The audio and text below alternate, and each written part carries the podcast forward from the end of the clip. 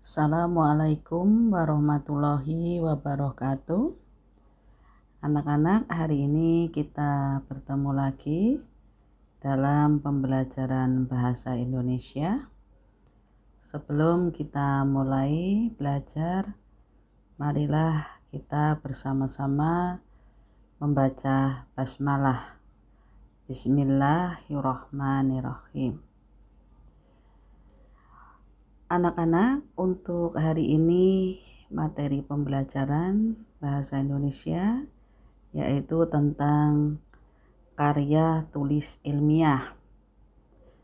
Nah, apa itu karya tulis ilmiah? Ada beberapa pengertian tentang karya tulis ilmiah yang disampaikan oleh beberapa ahli namun bisa kita ambil kesimpulan dari pengertian karya tulis ilmiah tadi yaitu karya tulis ilmiah atau disingkat karya ilmiah ini adalah laporan tertulis atau tulisan yang memaparkan hasil penelitian atau pengkajian mengenai suatu masalah yang telah dilakukan oleh seseorang atau sebuah tim dengan memenuhi etika dan kaidah keilmuan yang ditaati dan dikukuhkan oleh masyarakat umum. Itu pengertian karya tulis ilmiah secara umum. Nah, berikutnya apa sebenarnya tujuan dibuatnya karya tulis ilmiah? Tujuan dari dibuatnya karya tulis ilmiah adalah yang pertama untuk dapat melatih hasil penelitian dalam bentuk karya ilmiah yang sistematis dan metodologis atau ide tersurat. Artinya di sini sistematis itu karya ilmiah disusun secara teratur sesuai dengan urutan yang benar. Kemudian metodologis artinya di dalam membuat karya tulis itu menggunakan beberapa metode atau menggunakan beberapa cara untuk mendapatkan data. Tujuan yang kedua, karya tulis ilmiah yang telah ditulis itu diharapkan akan menjadi transformasi pengetahuan antara sekolah dengan masyarakat. Tujuan yang ketiga, para akademisi tidak hanya sebagai konsumen pengetahuan, tetapi juga mampu menjadi produsen, berpikir, dan menulis di bidang ilmu pengetahuan. Tujuan yang keempat yaitu untuk membuktikan pengetahuan serta potensi ilmiah yang dimiliki oleh penulis. Dan yang kelima, yang terakhir, tujuan karya tulis yaitu dapat melatih keterampilan dasar dalam melakukan penelitian. Berikutnya tentang manfaat.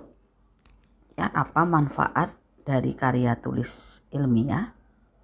Ada beberapa manfaat yang bisa diperoleh dari karya tulis ilmiah di antaranya yang pertama untuk melatih dalam menggabungkan beberapa hasil bacaan dari berbagai sumber bacaan. Nah, ini yang pertama artinya seorang penulis ini pasti membutuhkan referensi yang berupa bacaan. Baik itu referensi bacaan dari buku-buku secara tertulis yaitu dari media cetak, bisa juga menggunakan referensi dari berbagai sumber dari media elektronik, misalnya dari media internet. Nah, ini si penulis harus bisa memanfaatkan, menggabungkan dari berbagai sumber tadi, baik dari sumber e, media elektronik maupun dari media cetak. Yang kedua, penulis dapat berlatih mengintegrasikan hasil bacaan dengan gagasan sendiri. Nah, setelah tadi mendapatkan beberapa sumber baik dari media cetak maupun dari media elektronik. Nah, penulis juga bisa menggabungkan dari beberapa pendapat dari sumber tertulis tadi dengan menggabungkan apa yang merupakan gagasan atau ide sendiri. Jadi tidak hanya menyontek saja atau mengutip dari pendapat dari beberapa ahli saja, tetapi juga bisa menggabungkan dengan pendapatnya sendiri. Kemudian yang ketiga, ya, manfaat yang ketiga dapat mengembangkan pemikiran menjadi lebih matang. Kemudian yang keempat dapat meningkatkan keterampilan dalam mengorganisasikan dan menyajikan fakta dan data secara jelas dan sistematis. Ya, karena yang namanya tulisan ilmiah ini harus berdasarkan penelitian. Nah, penelitian itu pasti semuanya sifatnya berupa fakta, ya, fakta. Fakta itu yang benar-benar terjadi. Jadi yang dituliskan itu sesuatu yang benar-benar terjadi. Maka di sini penulis diharapkan ya bisa men, e, meningkatkan keterampilan dalam mengorganisasikan fakta yang ada di lapangan secara teratur atau secara sistematis. Manfaat yang berikutnya yaitu mengakrabkan penulis dengan kegiatan-kegiatan perpustakaan seperti menggunakan katalog dalam mencari buku yang diperlukan. Nah, ini seorang penulis ya, sebelum membuat karya tulisnya, karya ilmiahnya, maka dia akan banyak berkecimpung atau lebih akrab dengan kegiatan-kegiatan yang ada di perpustakaan, yaitu dengan membaca buku-buku yang ada di perpustakaan. Tentunya buku-buku yang ada di perpustakaan yang dibaca itu harus disesuaikan dengan masalah yang sedang dibahas atau tema yang sedang dibahas. Nih, maka di sini kegiatan membaca sangat dipentingkan sangat diperlukan sekali di dalam menyusun atau membuat karya ilmiah. Jadi harus banyak membaca buku.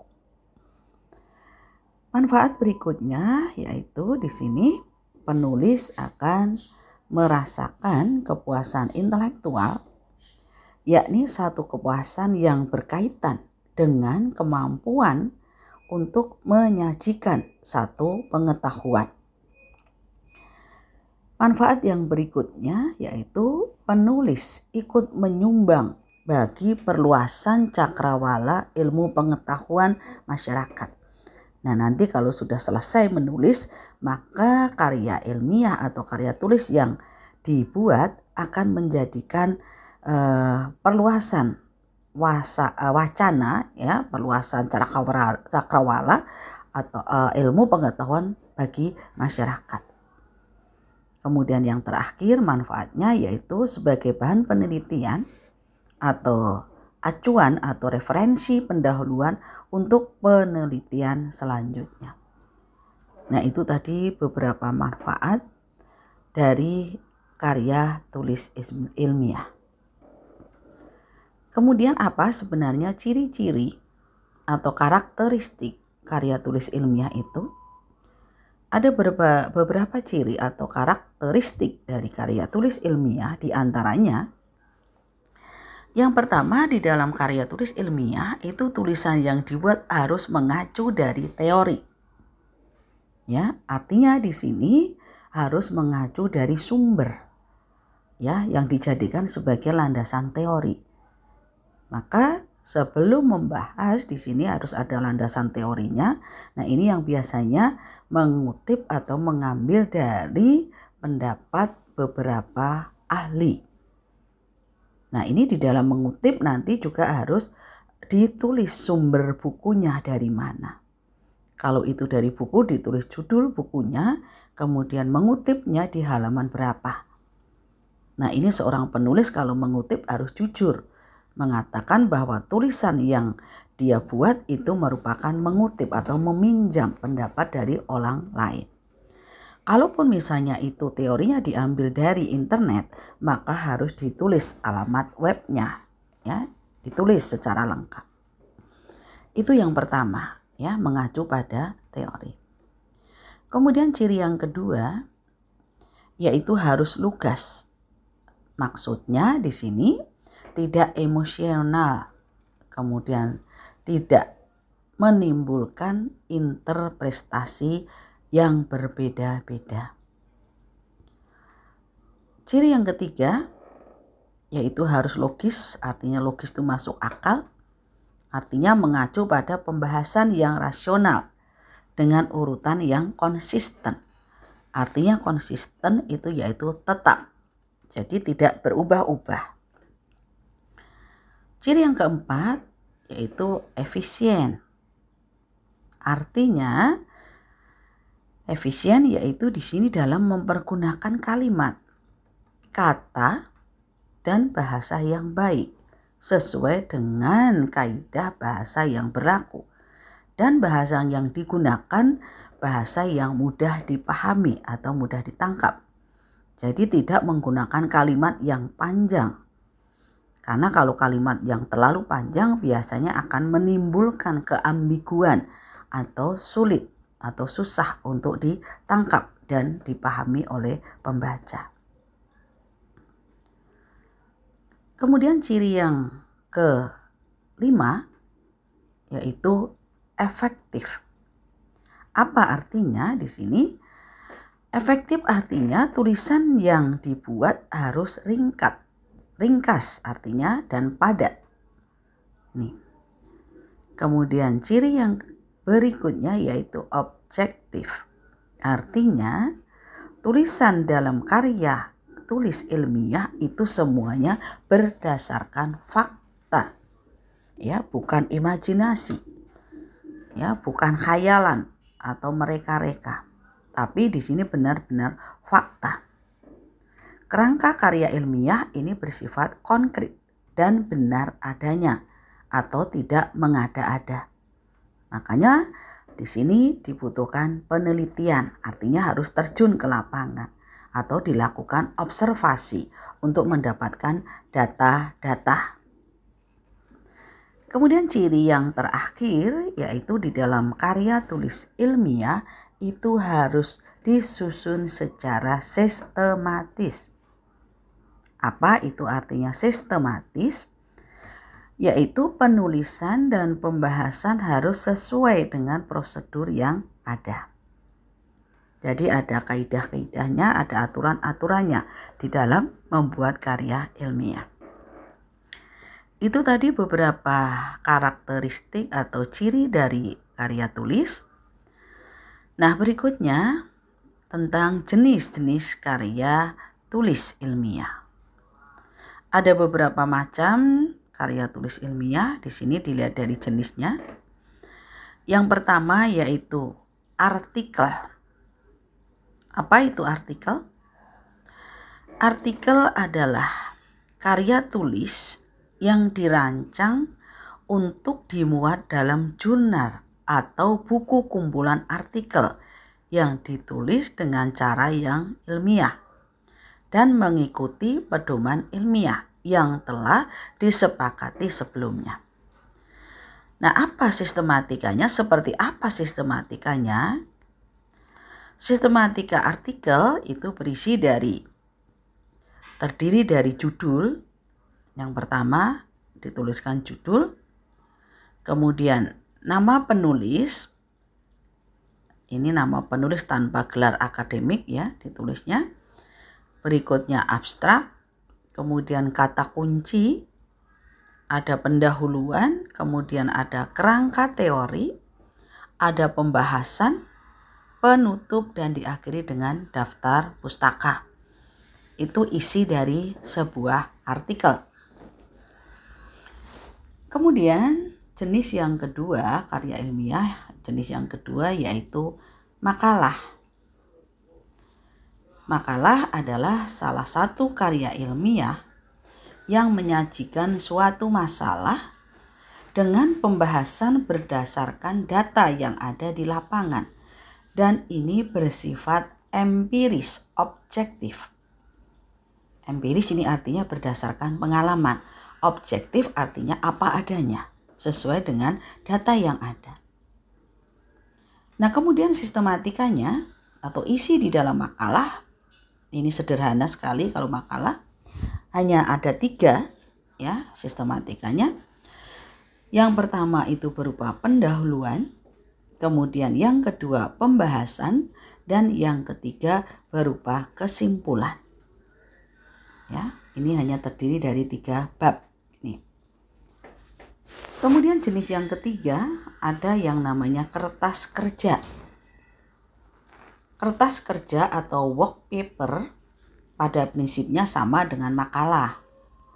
Namun pada pada kertas kerja dibuat dengan analisis yang lebih mendalam dan juga lebih tajam dan dipresentasikan pada seminar yang biasanya dihadiri oleh para ilmuwan. Itu bedanya kertas kerja dengan makalah. Yaitu di sini biasanya dipresentasikan pada seminar. Itu yang membedakan. Kemudian jenis yang keempat yaitu ada paper. Apa itu paper?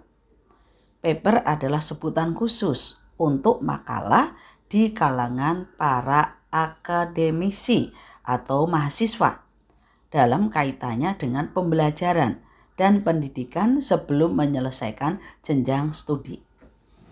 Nah, ini anak-anak biasanya kalau kalian nanti kuliah sudah jadi mahasiswa, itu nanti kalian akan sering yang namanya disuruh membuat paper. Jadi tugas dari beberapa dosen itu biasanya disuruh membuat makalah, membuat paper. Ini. Jenis yang kelima yaitu ada skripsi. Nah, apa itu skripsi? Nah, ini skripsi adalah salah satu karya ilmiah mahasiswa untuk menyelesaikan jenjang studi S1 atau sarjana. Nah, berisi tulisan yang sistematis yang mengemukakan pendapat penulis berdasarkan pendapat atau teori orang lain.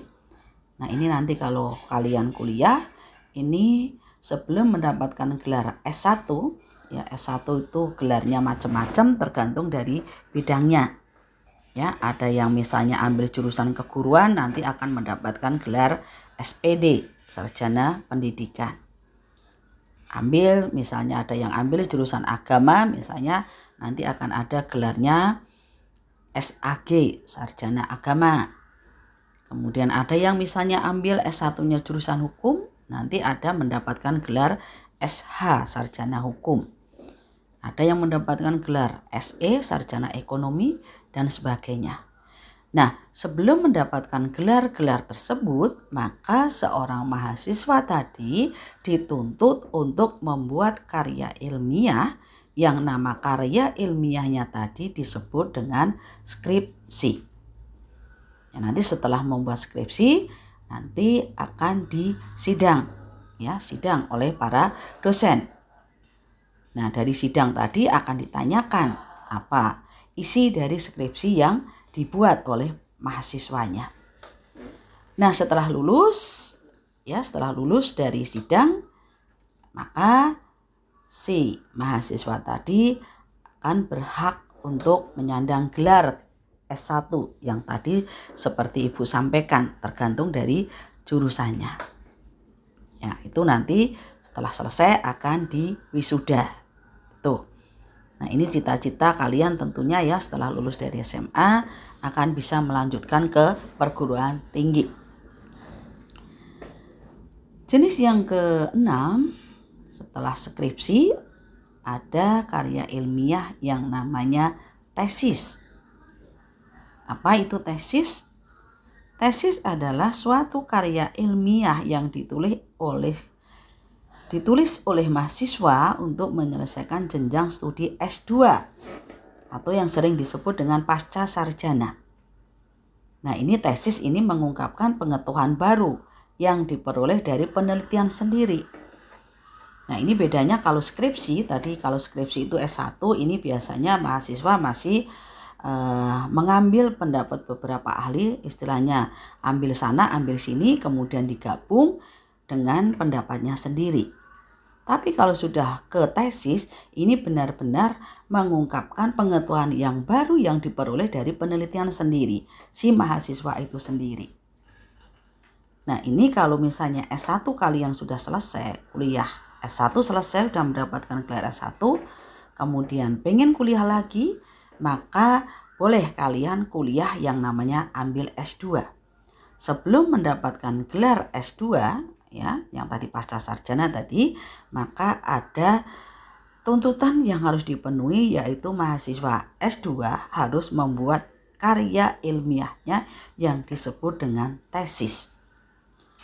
Nah, ini nanti gelarnya kalau sudah lulus dari S2 gelarnya maka ada gelar magister atau yang sering disebut disingkat dengan M. Kalau misalnya jurusannya pendidikan, S1-nya SPD, maka S2-nya gelarnya MPD. M-nya disingkat eh, kepanjangan dari Magister. MPD berarti Magister Pendidikan. MAG Magister Agama. Dan seterusnya. Ya, ada beberapa gelar, ada MBA misalnya ya. Nah, itu M-nya Magister bukan Master ya. Anak-anak sering kali salah M-nya eh, kepanjangan dari master. Padahal yang benar magister. Ada M Hum, magister humaniora, ya itu. Kemudian jenis karya ilmiah yang berikutnya yaitu disertasi. Apa itu disertasi? Disertasi ini dibuat oleh mahasiswa yaitu jenjang S3 kalau tadi S2 selesai, boleh kalian kuliah lagi. Ya, boleh kalian lagi ambil S3.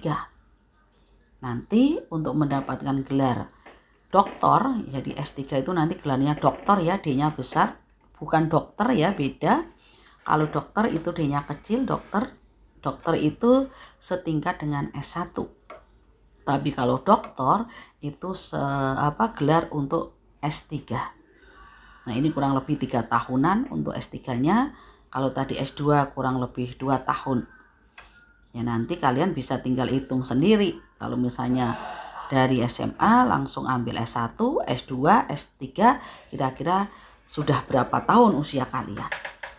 Nah kalau S1 itu biasanya 4 tahun, bisa 4-5 tahun ya untuk mendapatkan S1, gelar S1 ya. Kemudian S2 2 tahun, S3 biasanya 3 tahun, bisa lebih. Bisa hitung sendiri kira-kira selesai di usia berapa tahun. Gitu. Nah untuk S2, S1, S2 dan S3 ini sebenarnya tidak masalah misalnya anak-anak sambil bekerja atau misalnya sudah berkeluarga tidak menjadi masalah. Jadi untuk kuliah S1, S2, S3 boleh bekerja atau boleh sudah berkeluarga. Kalau untuk SMA tidak boleh ya. Tidak boleh sambil bekerja atau uh, sudah berkeluarga syaratnya. Kemudian uh, yang kedelapan, jenis yang kedelapan yaitu artikel ilmiah populer. Apa itu artikel ilmiah populer? Ini berupa artikel ilmiah yang ditulis dengan gaya bahasa populer. Nah, ini bahasa jurnalis atau media ya para jurnalis, wartawan ini biasanya menggunakan artikel ilmiah populer untuk dimuat pada media massa. Media massa ini majalah, situs atau surat kabar. Nah, ini berbeda dengan artikel ilmiah karena di sini artikel ilmiah populer tidak terikat secara ketat dengan aturan penulisan ilmiah. Namun, artikel ilmiah populer ini ditulis sifatnya umum untuk konsumsi publik. Nah, ini bisa lihat kalian tulisan-tulisan ini, artikel-artikel ini yang ada di koran-koran. Berikutnya ciri-ciri karya tulis di sini. Di antaranya karya tulis ini bahasa yang digunakan yaitu harus bahasa baku yang tercermin dari pilihan kata dan kalimat-kalimat efektif dengan struktur yang baku. Yang kedua, sikap penulis dalam karya ilmiah ini harus objektif.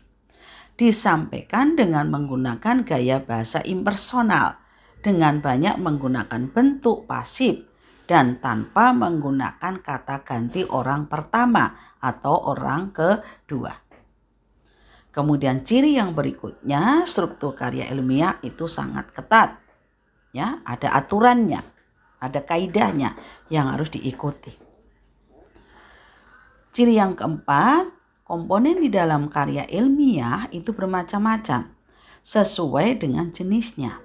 Namun pada intinya Artinya secara umum itu karya ilmiah itu isinya berupa pendahuluan, kemudian bagian inti, bagian itu merupakan bagian pembahasan, kemudian penutup. Nah, biasanya yang penutup ini berisi kesimpulan dan saran. Kemudian diakhiri dengan daftar pustaka dan lampiran. Nah, untuk secara lebih detailnya lebih rincinya nanti akan Ibu jelaskan pada pertemuan berikutnya. Untuk hari ini pembelajaran bahasa Indonesia Ibu akhiri sampai di sini. Semoga apa yang Ibu sampaikan secara umum tadi tentang uh, karya tulis ilmiah bisa kalian pahami. Semoga bermanfaat khususnya nanti untuk persiapan di perguruan tinggi. Jadi nanti kalian harus bisa membuat yang namanya karya tulis ilmiah. Demikian tadi anak-anak pembelajaran bahasa Indonesia hari ini dengan materi tentang karya tulis ilmiah. Semoga bermanfaat, tetap semangat dan sehat selalu.